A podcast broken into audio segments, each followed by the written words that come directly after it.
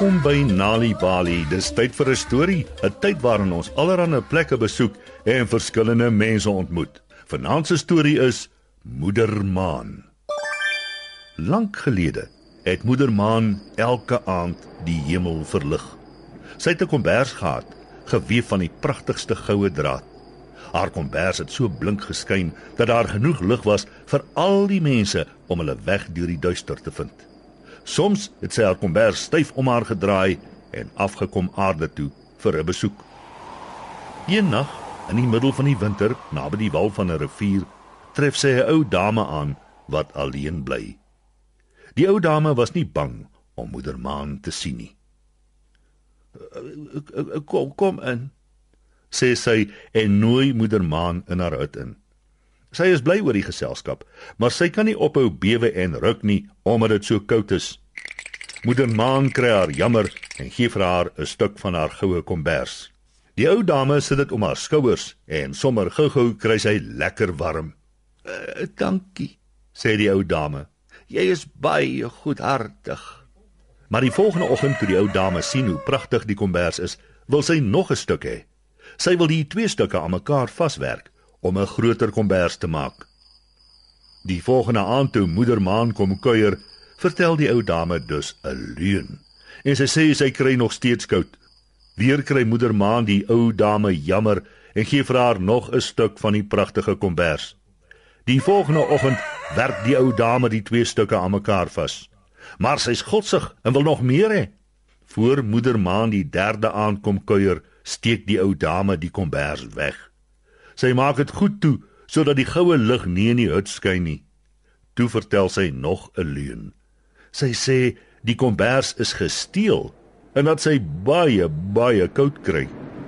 Moeder Maan is hartseer. Sy sien hoe die arme ou dame bewe van die koue naglug. En sy gee vir haar die laaste stuk van haar kombers. Nou skyn moeder Maan glad nie meer nie. Sy groet die ou dame, wens haar voorspoed toe en vertrek. Na 'n paar dae raak die mense in die dorpie bekommerd. Hulle kan nie meer hulle weg vind in die donker nie. Daar is lank nie meer maanlig nie en hulle besluit om uit te vind hoekom. Hulle steek lanterns aan en begin soek. Na ure se gesoek is hulle moeg en dors en rus op die rivierwal. Terwyl hulle rus, hoor hulle 'n vrou huil. Hulle begin soek en kom af op moeder Maan. Daar skyn geen lig uit daar nie en sy lyk hartseer. Wat het jou so ongelukkig gemaak? Vra een inwoner. En, hoe kan ons jou help? vra ander een. Moeder Maan vertel hulle van haar pragtige kombers en hoe dit altyd die naghemel verlig het. Sy vertel hulle ook hoe graag sy die aarde besoek en van die ou dame wat koud gekry het. Ek kan nie die kombers terugvat nie, sê moeder Maan. Die arme vrou het niks om haar warm te hou nie. Maar sonder my kombers kan ek nie die naghemel verlig nie. En sy begin weer huil. Ons sal jou help. Ja, ons sal, sê die inwoners van die dorp. Kom saam met ons. Ons sal die ou dame kry om met haar praat. Hulle hoef nie lank te soek na die ou dame se hut nie, want die kombers skyn helder van binne af en hulle roep hard totdat sy uitkom. Toe die ou dame moeder Maan in die donker sien staan met trane in haar oë, kry sy skaam omdat sy so selfsugtig was. Sonder om 'n woord te sê, gee sy die kombers terug. Vinnig draai die mense moeder maan toe in haar kombers en sy begin nog helderder te skyn as tevore. "En voordat jy teruggaan na hemel toe," sê hulle, "vertel ons asseblief hoe om die ou dame te straf." Moeder maan dink 'n hele ruk na. Dan sê sy: "Nee, nee, nee, moenie haar straf nie. Ek sal haar liewer leer hoe om te deel." Sy trek 'n draad uit haar kombers en gee dit vir die ou dame. Wanneer jy koud kry, trek hier aan. Jy sal weet wat om te doen. Sê sy vir die ou dame en sy gaan terug na die naghemel en laat 'n streep van haar goue draad agter. Van die dag af bly moeder maan in die naghemel waar sy helder skyn. En een keer elke maand wanneer die ou dame begin koud kry, trek sy aan die goue draad. Sy trek en trek en maak meer en meer draad bymekaar om 'n goue kombers te weef. Wanneer sy dit doen, trek sy moeder maan se kombers in die hemel los en word dit kleiner en kleiner totdat dit glad nie meer skyn nie. En dan, wanneer die ou dame warm genoeg kry, bedank sy moeder maan en laat haar al haar goue draad bietjie vir bietjie terugvat totdat haar kombers weer heel is en blink in die naghemel skyn. En dit is hoekom die maan elke maand kleiner en groter word. Dit is hoe dit van die dag af was tot nou toe. En so eindig vanaand se storie op Nali Bali.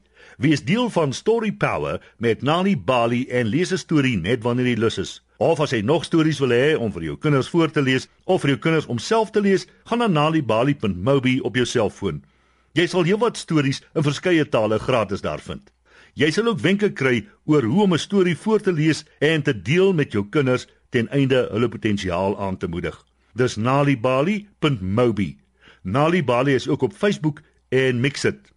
Hou ook die koerante dop vir die Nali Bali byvoegsel en aktiwiteite in KwaZulu-Natal Sunday World Engels en isiZulu. Gauteng Sunday World Engels en isiZulu. Vrystaat Sunday World Engels en Sesotho. Weskaap Sunday Times Express Engels en isiXhosa. En Ooskaap The Daily Dispatch Dinsdae en The Herald Donderdag Engels en isiXhosa.